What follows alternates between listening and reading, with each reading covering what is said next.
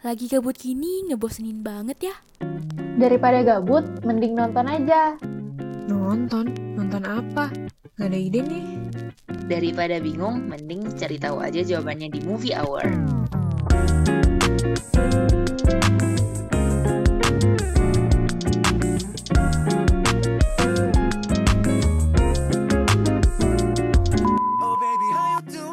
Tujuh FM Radio Kampus ITB Play your best music. Hai hai, welcome to Movie Hour. Podcast yang akan membahas seputar dunia perfilman. Mulai dari film lokal hingga film luar negeri Bareng Adit, Diana, Dita, dan Alfi. So, let's grab some popcorn and chill with us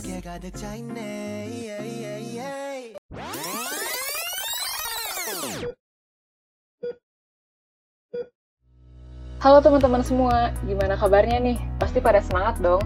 Hari ini selama 20 menit ke depan, aku Rita dan ada Alfi juga yang akan nemenin kalian semua dan bakal ngebahas film-film yang keren dan seru hanya di podcast Movie Hour. Iya, bener banget tuh. BTW, kamu gimana kabarnya nih, Dit? Baik nih, baik. Kalau kamu gimana nih, Alfi, kabarnya? Baik dong. Aku juga lagi seneng banget nih. Mau tahu gak kenapa? Wah, kenapa tuh? Jadi, aku lagi seneng banget nih karena dua putri Indonesia berhasil kembali mengharumkan nama Indonesia di kancah internasional. Tepatnya di Olimpiade Tokyo 2020 kemarin. Di tanggal 2 Agustus 2021, Apriani Rahayu dan Gracia Poli berhasil memenangkan pertandingan final badminton ganda putri dan berhasil membawa pulang medali emas.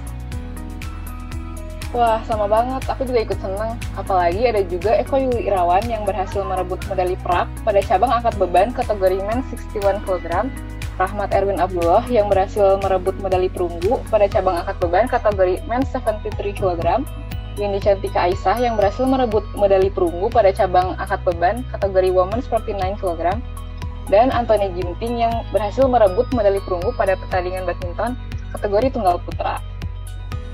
Bener banget tuh, tapi selain itu kita semua juga harus bangga nih sama seluruh atlet perwakilan Indonesia di Olimpiade Tokyo 2020 kemarin, karena mereka semua telah mewakilkan nama Indonesia sampai tingkat internasional. Apresiasi sebesar-besarnya bagi semua atlet perwakilan Indonesia di Olimpiade Tokyo 2020 kemarin. Setuju sih. Nah, selanjutnya kira-kira kita mau ngapain ya? Masih berhubungan dengan olahraga. Abis ini kita bakal ngebahas dua film tentang atlet yang menjadi orang pertama nih. Kira-kira siapa ya? Bener banget, buat film pertama aku bakal ngebahas film dengan judul Aitonya. Film ini adalah film biografi drama komedi Amerika Serikat tahun 2017. Wah, tentang apa tuh filmnya? Sebenarnya dari judul filmnya sih udah jelas banget ya film ini ceritain tentang siapa. Jadi film ini berdasarkan kisah nyata dari hidup seorang mantan atlet figure skating yang pernah menjadi atlet figure skating wanita pertama yang berhasil menyelesaikan loncatan dua triple axel pada pertandingan, yaitu Tonya Herding. Wow, keren banget. Menurut kamu, cerita film ini bakal gimana nih? Hmm, gimana ya? Menurut aku, pasti ceritanya tentang gimana dia mulai jadi figure skater, terus kisah kemenangan dia, dan pasti filmnya happy ending. Awalnya aku juga ngira gitu sih, tapi ternyata film ini lebih banyak menceritakan insiden dalam hidup dalam hidup Tonya. Mulai dari Tonya yang dipaksa ibunya untuk ikutan ice skating, kisah cinta Tonya yang dipenuhi kekerasan, hingga insiden penyerangan Nancy Kerrigan pada tahun 1994 yang merupakan rival Tonya dalam dunia figure skating dan diakhiri dengan pemberhentian Tonya dari dunia figure skating selamanya. Diberhentiin, kok bisa? Ceritain dong. Oke, aku bakal cerita nih. Uh, buat teman-teman terutama yang lagi sibuk dan ngerasa nggak bakal sempat nonton film ini, aku bakal spill nih garis besar isi dari film Aitonya ini. Jadi awal mula kisahnya yaitu pada tahun 1970-an di Portland, Tonya Herding yang berusia 3 tahun dipaksa untuk kursus seluncur es oleh ibunya yang punya sifat kasar, yaitu Lavona Golden. Di bawah bimbingan Diane Rawlinson, Tonya berhasil menjadi salah satu atlet seluncur indah terbaik di Amerika Serikat tetapi ia mendapat hinaan white trash dari orang lain karena kostumnya yang merupakan buatan sendiri dan pilihan musik untuk penampilannya yang nggak biasa. Nah, pada usia 15 tahun, Tonya mulai berpacaran dengan Jeff Dwelly yang berusia 18 tahun, meskipun saat itu ibunya tidak menyetujui. Tonya kemudian menikahi Jeff supaya bisa pindah dari rumah ibunya, tapi sayangnya Jeff ternyata punya sifat kasar yang nggak jauh beda dari Lavona. Hal ini membuat performa Tonya semakin menurun. Ia yang awalnya selalu mendapat posisi teratas, harus mendapat posisi keempat di Olimpiade musim dingin 1992. Merasa kalah, Tonya kembali ke Portland dan bekerja sebagai pelayan, tetapi pelatih pertamanya, Diana Winson, meyakinkan Tonya untuk berlatih di Olimpiade musim dingin 1994. Kemudian, pada suatu hari, Tonya mendapat ancaman pembunuhan. Di sisi lain, Jeff justru menyadari bahwa ia bisa melakukan hal yang sama kepada saingan utama Tonya, yaitu Nancy Kerrigan. Akhirnya, Jeff menyuruh temannya, yaitu Shawn Eckhart, untuk mengancam Nancy, namun, Sound justru mengirim orang untuk menyerang Nancy hingga Nancy terluka. FBI pun menyelidiki kasus ini dan berhasil menangkap Edgard yang mengaku bahwa ia disuruh oleh Jeff. Kemudian, Jeff melibatkan Tonya, dia bilang bahwa sebenarnya Tonya itu mengetahui tentang insiden penyerangan tersebut. Meskipun Tonya diperbolehkan tampil lagi di Olimpiade musim dingin, tapi sayangnya ia hanya mampu menduduki peringkat 8 karena lagi-lagi ia dikalahkan oleh Nancy yang dengan cepat bisa pulih dari cedera akibat penyerangan tersebut. Setelah Olimpiade berakhir, Jeff dan Sean pun akhirnya dihukum. Tonya juga harus menjalankan persidangan yang sempat tertunda akibat Olimpiade. Meskipun Tonya berusaha membela diri, kalau dia tidak tahu sama sekali tentang kejahatan yang dilakukan Jeff, ia tetap dihukum dengan masa percobaan 3 tahun, 500 jam pelayanan masyarakat, dan denda sebesar 100 ribu dolar. Bahkan, Tonya dipaksa mundur dari kejuaraan skating dunia 1994 dan dilarang ikut serta di kompetisi seluncur es dalam seumur hidupnya. Akhir cerita, Jeff kemudian mengubah namanya dan menikah lagi, sementara Tonya berusaha mempertahankan popularitasnya dengan menjadi petinju, lalu menikah dan menjadi ibu yang mengurus anak-anaknya. Gitu ceritanya. Wah, plot twist banget nih film. Bener-bener dramatis banget hidupnya ya. Bener banget tuh. By the way, film ini diperanin siapa aja sih? Jadi film ini diperanin oleh banyak aktor terkenal, mulai dari Margot Robbie, Sebastian Stan, dan Alison Jenny. Bahkan film ini juga memenangkan banyak penghargaan loh. Wow, keren banget. Fix sih, harus masukin ke watching list. Betul tuh, buat teman-teman yang rasa tadi skillnya masih kurang dan pengen tahu detail ceritanya kayak gimana, boleh tuh langsung ditonton aja. Nah, selain itu, aku juga punya beberapa fakta menarik tentang film ini loh. Yang pertama, Craig Gillespie yang merupakan sutradara film ini ternyata pernah bekerja dengan Nancy Kerrigan dalam iklan Campbell Soup pada tahun 1993. Jadi dulunya tuh Craig Gillespie ini bekerja sebagai art director yang bekerja di beberapa perusahaan iklan dan kebetulan waktu itu Nancy hadir membintangi salah satu iklannya.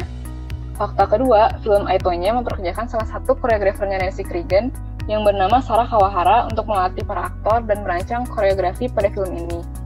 Fakta ketiga, Elson Jenny yang merupakan pemeran ibu Tonya ternyata dulunya pernah menjadi kompetitif skater. Tapi karena pernah mengalami cedera, dia akhirnya mengubah mimpinya untuk menjadi seorang aktor. Fakta keempat, peran ibu dari Tonya memang ditulis untuk Elson Jenny. Karena ternyata penulis film ini, yaitu Stephen Rogers, merupakan teman lama dari Elson Jenny. Dan dia ngerasa kalau Jenny adalah sosok yang tepat untuk menggambarkan karakter ibunya Tonya. Fakta kelima, untuk membuat peran rambut Tonya seperti aslinya, penata rambut film ini menggunakan minuman bir. Fakta keenam, burung parkit yang tampil di film Aitonya harus melewati audisi terlebih dahulu karena emang saking totalitasnya jadi burung parkirnya juga harus diaudisi dulu yang ketujuh, nggak kalah totalitas dari fakta sebelumnya, Margot Robbie sebagai pemeran Tonya Harding mengalami cedera selama pembuatan film. Jadi wajar sih kalau Margot Robbie memenangkan Oscar di kategori Best Actress. Fakta ke-8, Stephen Rogers memutuskan untuk menulis film ini setelah menghubungi kontak pribadi Tonya Harding. Fakta ke-9, penulis naskah menggunakan informasi yang belum jelas kebenarannya untuk menulis film ini. Hal ini dikarenakan cerita dari pihak Tonya Harding dan Jeff Diwali sangat bertolak belakang. Dan fakta terakhir, sebelum baca naskah film ini, Margot Robbie ternyata nggak tahu kalau kisah di film ini merupakan kisah nyata yang benar-benar pernah terjadi. Menarik banget kan? Wah, iya sih menarik banget. Gak cuma filmnya ya yang plot twist, ternyata pembuatannya juga banyak plot twistnya. Bener banget. By the way, kalau kamu ada nggak nih film yang mau direkomendasiin ke teman-teman? Ada dong, film ini juga tentang seorang atlet wanita yang keren banget loh. Apa tuh judulnya?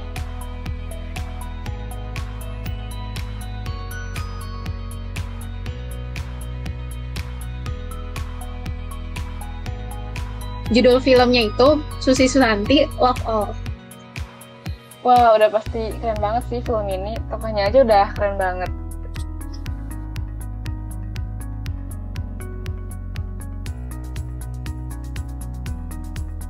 Bener banget, keren banget deh pokoknya. Kali ini kita bakal ngebahas film yang menceritakan kisah hidup atlet wanita pertama Indonesia yang berhasil memenangkan medali emas pada ajang olahraga dunia yaitu pada Olimpiade musim panas tahun 1992 yang diselenggarakan di Barcelona. Wow, keren banget tuh. Selain itu, ada beberapa fakta menarik nih tentang film ini. Film ini menceritakan tentang lika-liku kehidupan Susi Santi yang juga menampilkan kisah cintanya dan keluarganya. Pembuatan film ini juga cukup lama loh, tapi hasilnya memuaskan banget karena ceritanya inspiratif dan penuh makna. Film ini berhasil menjadi nominasi di banyak penghargaan loh. Dan kalian semua bisa nonton film ini di Disney Plus Hotstar. Wah, keren banget. Jadi makin penasaran nih ceritanya kayak gimana. Langsung aja nih Alfi, boleh banget ceritain cerita di film ini. Oke, aku bakal ceritain dikit kali ya tentang film ini biar kalian tuh nggak penasaran banget gitu. Jadi aku mau ceritain kalau film ini tuh nyeritain tentang perjuangan dan kerja keras pebulu tangkis legendaris Indonesia, Susi Susanti yang digambarkan dalam sebuah biopik yang cukup apik. Film yang berjudul Susi Susanti Love All ini tidak hanya bercerita tentang perjalanan hidup sang atlet, tapi menjadi sebuah bentuk pengetahuan sejarah penting akan perjuangan untuk Indonesia tanpa banyak menggurui. Nah, di sisi lain, Film ini juga menyuguhkan gambaran pahitnya kehidupan etnis Cina di era Orde Baru yang dialami oleh sang atlet, Susi Susanti. Dia tumbuh di tanah kelahirannya di Tasikmalaya bersama orang tua dan satu orang kakaknya.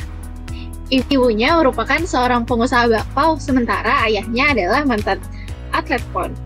Kisah ini dibuka dengan adegan Susi saat masih kecil yang diperankan oleh Moirata Bina Zain yang kabur saat harus tampil menari balet di panggung 17-an dia memilih menonton sang kakak bertanding bulu tangkis yang berakhir kalah dan diejek oleh lawannya.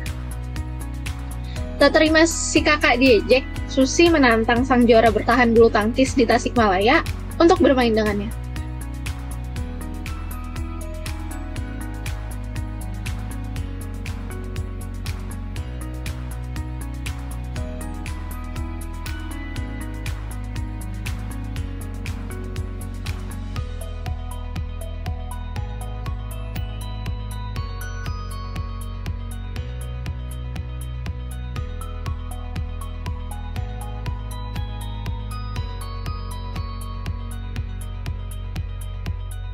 Walaupun masih kecil, dirinya sukses melumpuhkan lawan dan kemenangan tersebut membuatnya mendapat tawaran berlatih di PB Jaya Raya. Pertandingan yang tak direncanakan itu membuka kiprah Susi Susanti di dunia bulu tangkis. Adegan demi adegan menggambarkan kerja keras Susi memenuhi ambisi menjadi nomor satu, mengumpulkan emas yang telah dia janjikan kepada sang ayah. Dalam usahanya, Susi mendapatkan sokongan termasuk dari sang idola Rudi Hartono yang diperankan oleh Irwan Chandra yang memberikan pesan bahwa bakat saja itu tidak cukup, tapi butuh kerja keras serta kedisiplinan. Film ini menunjukkan gambaran menjadi atlet yang datang dari etnis tertentu di masa Orde Baru. Saat menginjakan kaki di Platnas PBSI, Susi dibimbing pelatih Liang Xiu Xia. Nah, Xia ini adalah bekas eksil di Cina yang didatangkan bersama Tong Sinfu, Ketua Umum PBSI Tri Sutrisno yang diperankan oleh Farhan untuk mendongkrak prestasi bulu tangkis Indonesia. Target pertamanya adalah mengantongi emas di Sudirman Cup perdana di Jakarta tahun 1989. Dukungan pelatihnya itu membuat Susi mendapatkan pengakuan internasional setelah memenangkan medali emas Olimpiade pertama untuk Indonesia Olimpiade Barcelona tahun 1992. Di sisi lain, kisah ini juga menampilkan masa-masa saat Susi menemukan tambatan hatinya Alan Budi Kusuma yang diperankan oleh Dion Wiyoko di Platnas. Nah, secara garis besar, film yang memberi gambaran hidup Susi pada tahun 80-an hingga akhir 90-an dengan cukup apik, selain menyuguhkan drama perjuangan Susi sebagai legendaris bulu tangkis, film ini juga dibumbui kisah romansa dan konflik pada era itu. Sutradara film ini cukup berhasil mengemas film dengan sejumlah catatan adegan puncak saat kemenangan Susi di Olimpiade Barcelona 1992 rasa nanggung. Ada bagian yang rasanya tak tuntas, tak sedramatis peristiwa aslinya, atau bahkan trailer yang sempat dirilis lebih awal. Meski Susi Susanti ikut dilibatkan secara pribadi, tapi berdasarkan beberapa sumber, Sejumlah referensi sejarah dalam film ini masih ada yang kurang nih. Salah satunya itu adalah adegan kehadiran Makobar Ferdinand Siregar di Final Olimpiade Barcelona tahun 1992 yang menyaksikan pertandingan dari tribun kehormatan bersama Trisutrisno.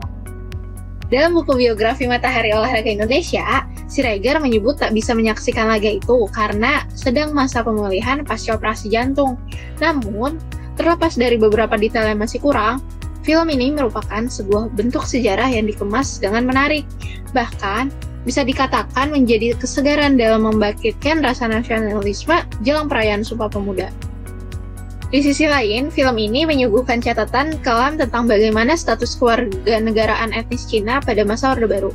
Sang sutradara cukup jelas memberi gambaran itu. Misalnya, nasib pelatih Xian dan Tong yang tak kunjung mendapatkan apa yang dijanjikan soal status mereka usai balik dari Cina. Susi sendiri menyatakan bahwa sebelum bertanding di Olimpiade Atlanta, statusnya sebagai WNI itu belum jelas. Tak hanya status yang tak jelas, mereka pun mendapatkan perlakuan tidak adil oleh tindakan rasisme. Gambaran ini menjadi pengingat sekaligus tamparan bagaimana Indonesia seharusnya bersatu tanpa diadu oleh persoalan perbedaan ras, suku, dan lainnya. Untuk akting masing-masing pemeran, Laura dan Dion cukup memiliki chemistry yang baik, dan Laura sendiri, ia cukup terlihat begitu pas memainkan peran Susi yang berambisius mewujudkan mimpi-mimpinya. Bahkan, rela melepaskan urusan pribadinya demi itu. Salah satu karakter yang cukup menarik perhatian yakni Kelly Tandiono sebagai Sarwanda. Dengan luas, Kelly hadir sebagai penyegar serta penghibur di tengah drama film ini. Di samping soal gambaran cerita filmnya, secara sinematografi, warna, serta musik scoring Susi Susanti Love All patut mendapatkan apresiasi lebih. Secara keseluruhan, film ini menjadi salah satu yang tak boleh dilewatkan dan harus masuk ke watching list kalian. Wah, keren banget ya filmnya kayaknya. Jadi gak sabar nih mau nonton film ini. Nah, mantep banget kan? By the way, nggak nyadar nih, udah 20 menitan kita nemenin teman-teman semua sambil ngebahas film-film keren tadi.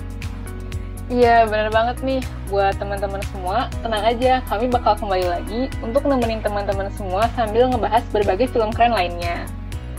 Oleh karena itu, jangan lupa dengerin podcast Movie Hour di Spotify-nya RK Podcast ya. Semoga teman-teman semua terhibur dari podcast kita kali ini ya. Makasih teman-teman, sampai jumpa lagi. Bye. Bye!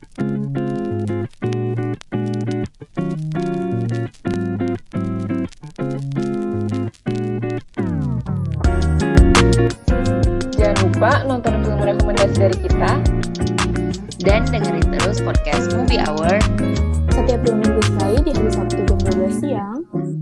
Hanya di Spotify RK Podcast.